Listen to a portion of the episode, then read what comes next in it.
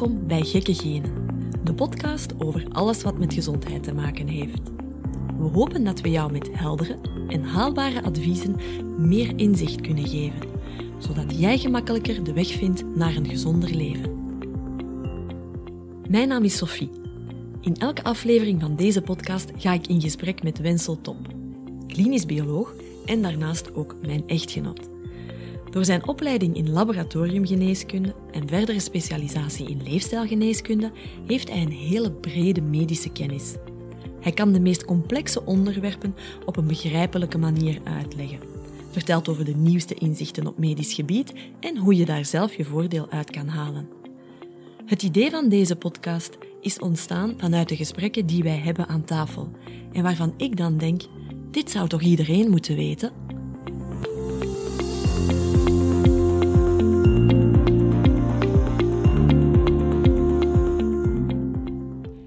Deze aflevering gaan we op zoek naar het verband tussen leefstijl en de gezondheid van de huid. Op welke manieren kan een ongezonde leefstijl tot huidproblemen leiden en hoe zal dit inzicht onze visie op huidverzorging beïnvloeden? Het zal jullie waarschijnlijk niet verbazen dat ook dit thema weer van toepassing is op mij en mijn lastig lijf. Want ik kan mij nog herinneren dat ik 25 jaar geleden behandeld werd voor zware acne met een antibioticum dat ik gedurende een half jaar moest nemen, elke dag. Niemand die er toen bij stilstond wat voor nefaste gevolgen dit op lange termijn op de rest van mijn lichaam kon en ook zou hebben, want ze zijn er effectief gekomen. De prikkelbare darm, waar ik twintig jaar mee gesukkeld heb, ah, wel, ik ben ervan overtuigd dat die toen ontstaan is. Naast nog een aantal producten die ik dagelijks moest smeren, werd mij wel gezegd dat ik chocolade moest vermijden. Maar daar bleef het ook bij. Dus voeding vond toen blijkbaar toch al een klein beetje zijn weg in de klassieke dermatologie. Ja, en dat was op zichzelf eigenlijk al redelijk vooruitstrevend, want meestal wordt de huid als een afzonderlijk orgaan gezien en dus ook los van de rest van het lichaam behandeld.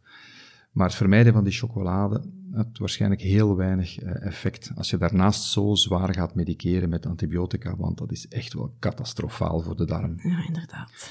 Maar het ziet er gelukkig meer en meer naar uit dat uh, relatief nieuwe wetenschappelijke kennis over het microbioom en de rol die de leefstijl en leefomgeving daarin spelen, onze traditionele visie over huidverzorging toch grondig gaat uh, veranderen.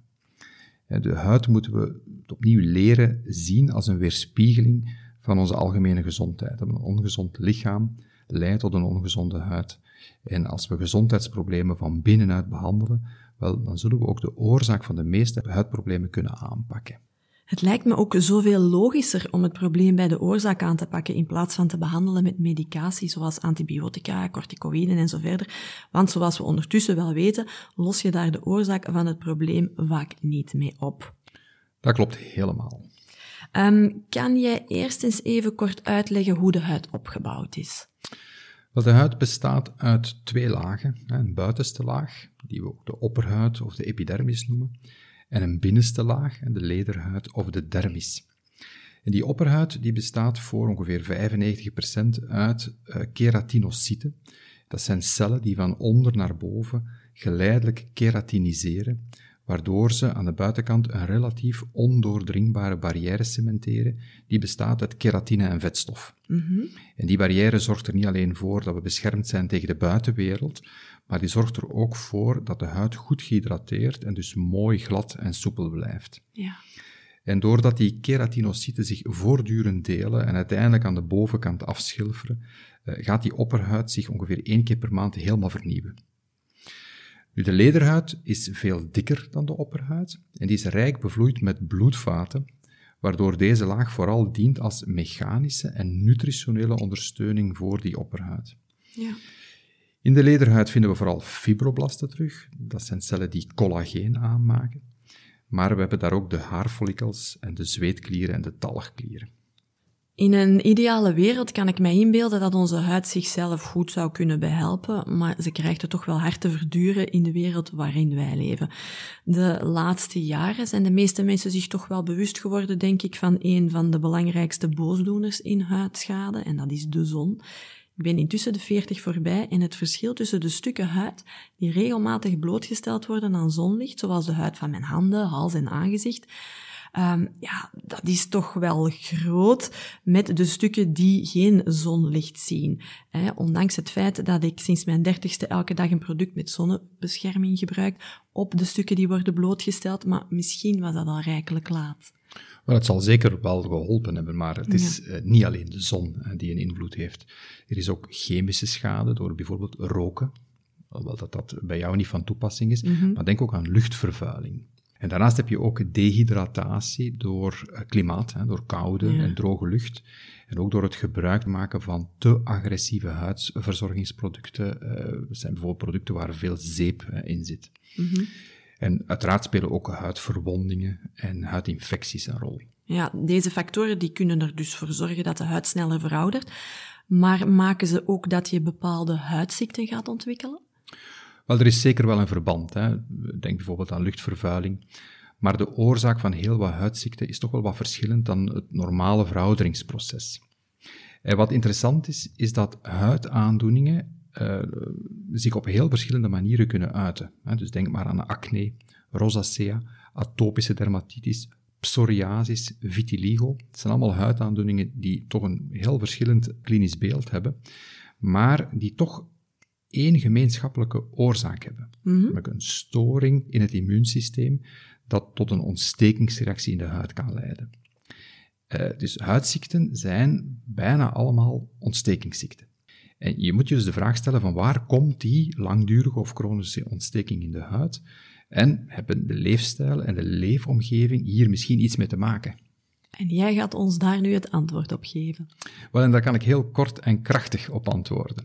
Leefstijl en leefomgeving spelen een heel belangrijke rol, zowel in het ontstaan als in de evolutie en de ernst van huidaandoeningen. En dan gaat het echt om al de klassieke aanpasbare leefstijlfactoren, voeding, slaap, beweging, stress, alcohol en roken. En er zijn talrijke studies die een duidelijk oorzakelijk verband tussen deze factoren en huidziekte hebben aangetoond. Um, ik had het daarnet over de acne, waar ik zelf jarenlang mee te kampen had. Want je raadt het al, ook na de behandeling met antibiotica was die niet weg, integendeel. Bij mijn weten is het nog steeds een van de meest voorkomende huidproblemen, dus misschien moeten we dat als voorbeeld nemen. Welke impact heeft leefstijl op acne? Wel, bij acne vulgaris is er een duidelijk verband tussen het ontstaan van de klachten en het eten van te veel geraffineerde suikers met een hoge glycemische index. Zeg maar ons typisch suikerrijk westers dieet. Ja. En omgekeerd komt acne in niet geïndustrialiseerde landen veel minder voor. We kunnen dus echt wel stellen dat acne een huidprobleem is van onze moderne samenleving. Oké. Okay. Um, ik vermoed dat stress ook een rol kan spelen? Stress speelt een hele belangrijke rol, zowel in het ontstaan als in de ernst van acne, maar ook bij andere huidaandoeningen zoals psoriasis en atopische dermatitis. En hormonen waarschijnlijk ook, zeker bij acne toch?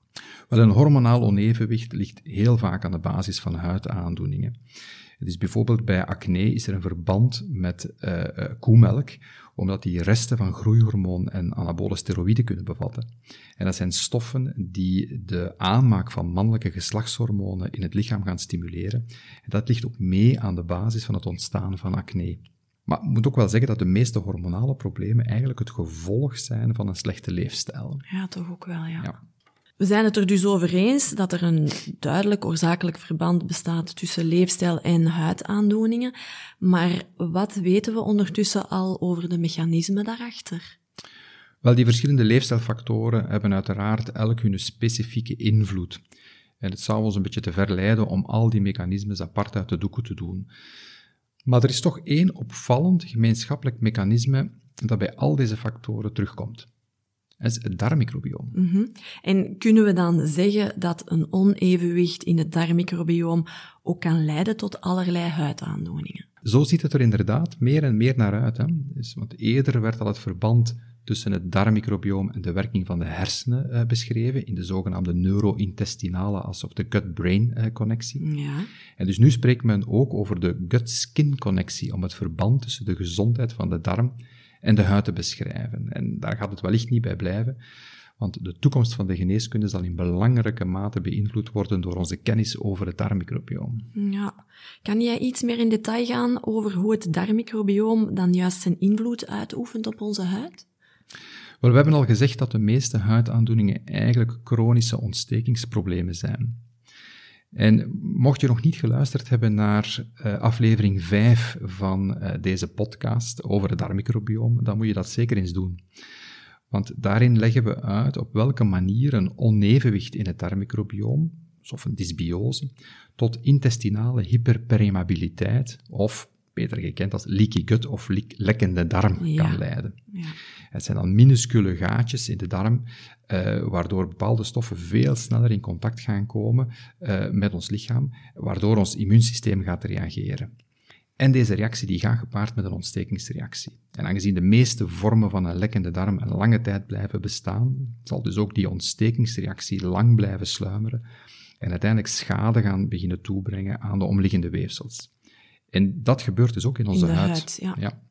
Nu, tot welke huidziekte dit uiteindelijk kan leiden en, en of het tot een huidziekte gaat leiden, wel, dat hangt af van verschillende factoren, hè, zoals leeftijd en geslacht, omgevingsfactoren zoals luchtvervuiling, uh, andere leefstijlfactoren zoals stress en slaap, maar er is ook zoiets als een genetische uh, predispositie. En er zijn een genetische voorbestemdheid om uh, bepaalde huidaandoeningen te ontwikkelen.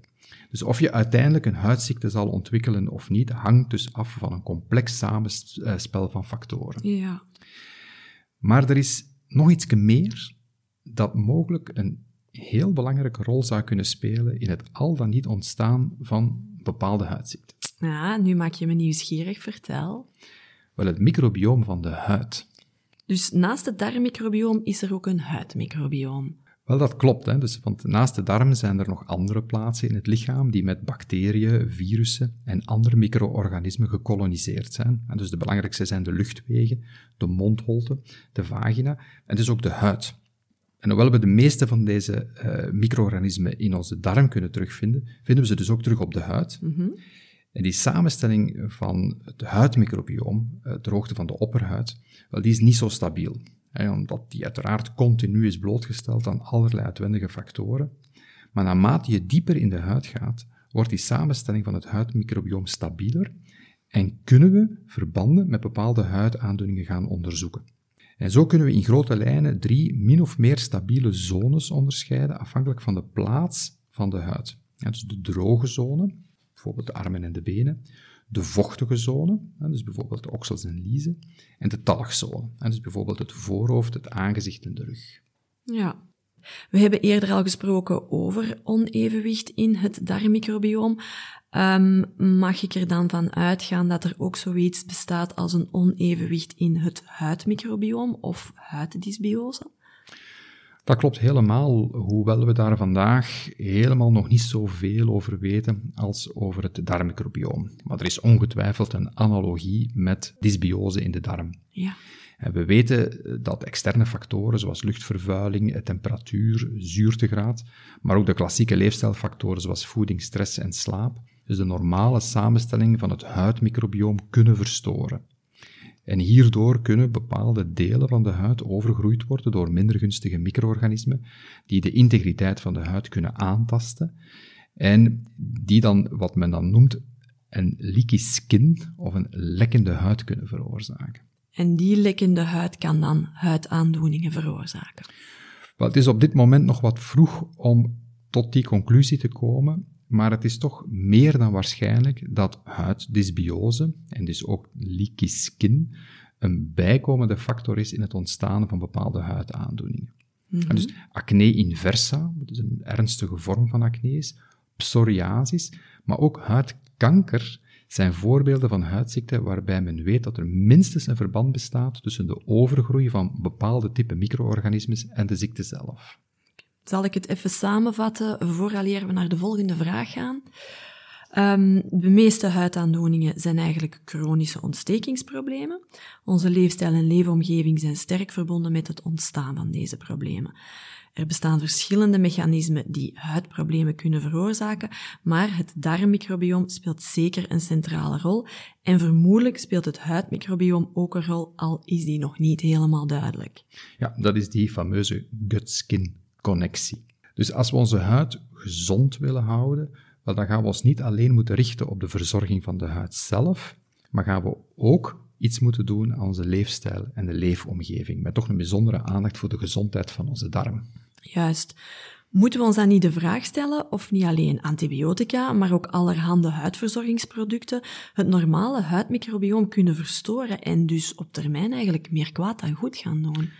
Wel, dat klopt helemaal. Hè. Dus als we opnieuw het voorbeeld nemen van acnebehandelingen, wel, die zijn vaak heel agressief en die tasten de huidintegriteit uh, aan en dus ook het huidmicrobioom aan, uh, waardoor er dus echt wel andere problemen kunnen ontstaan. Ja, Um, iets dat daar misschien bij aansluit is de term skinimalisme. Je hoort daar toch meer en meer over spreken. Dat is inderdaad een boeiende trend.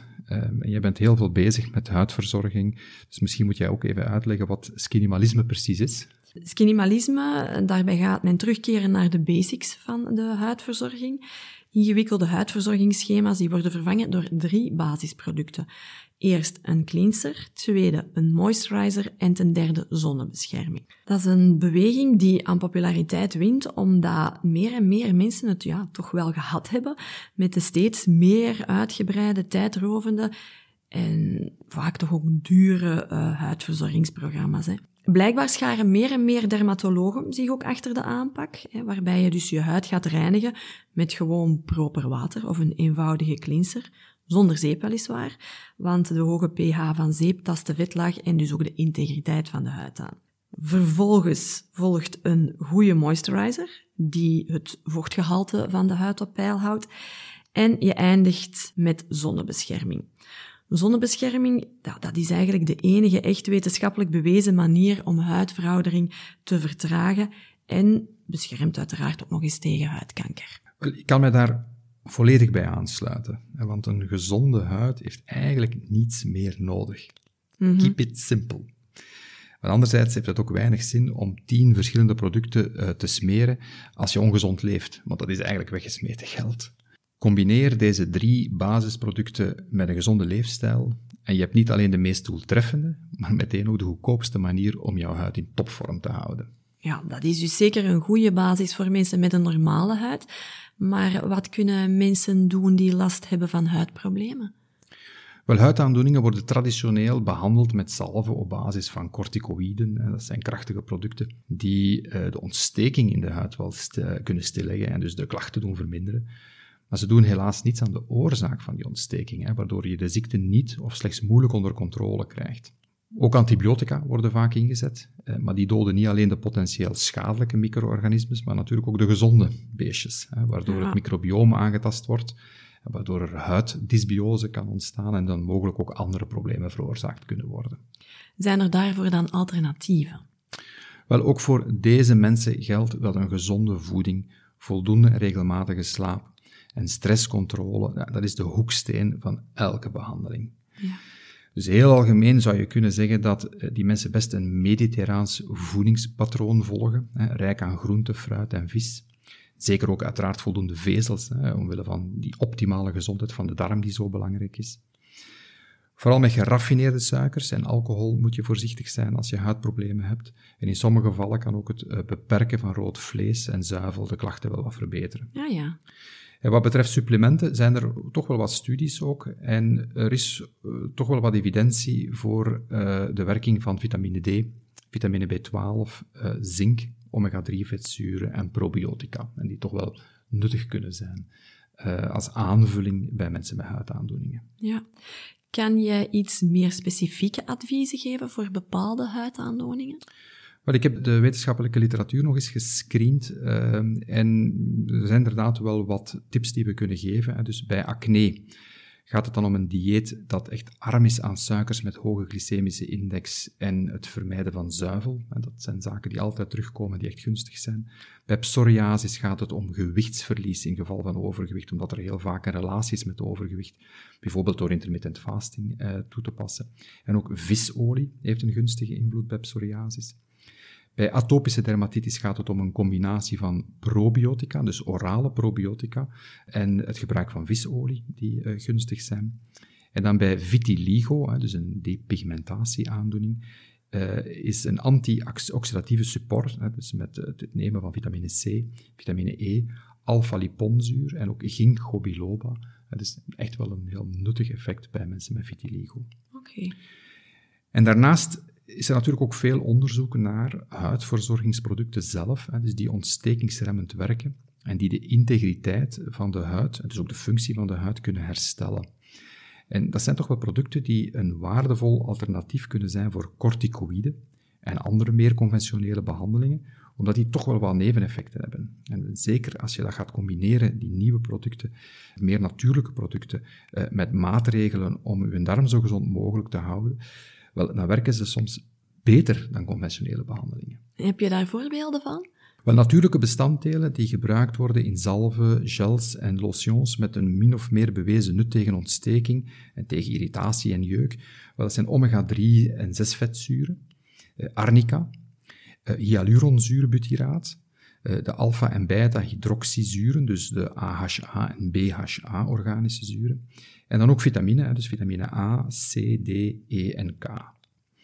En dus volgens het skinimalisme-principe zou je dan mensen met een moeilijke huid, die zouden dan geen extra product uh, moeten kopen, maar je zou kunnen kiezen voor een moisturizer waarin dan een van deze bestanddelen verwerkt zit. Ja, dus bijvoorbeeld een moisturizer met arnica wanneer je vaak last hebt van jeuk of als je makkelijk huidontstekingen hebt, uh, dan zou je kunnen kiezen voor een moisturizer met AHA of BHA. Tenzij je daar liever een apart uh, product voor gebruikt, maar eigenlijk is het dan niet echt nodig. Dat klopt.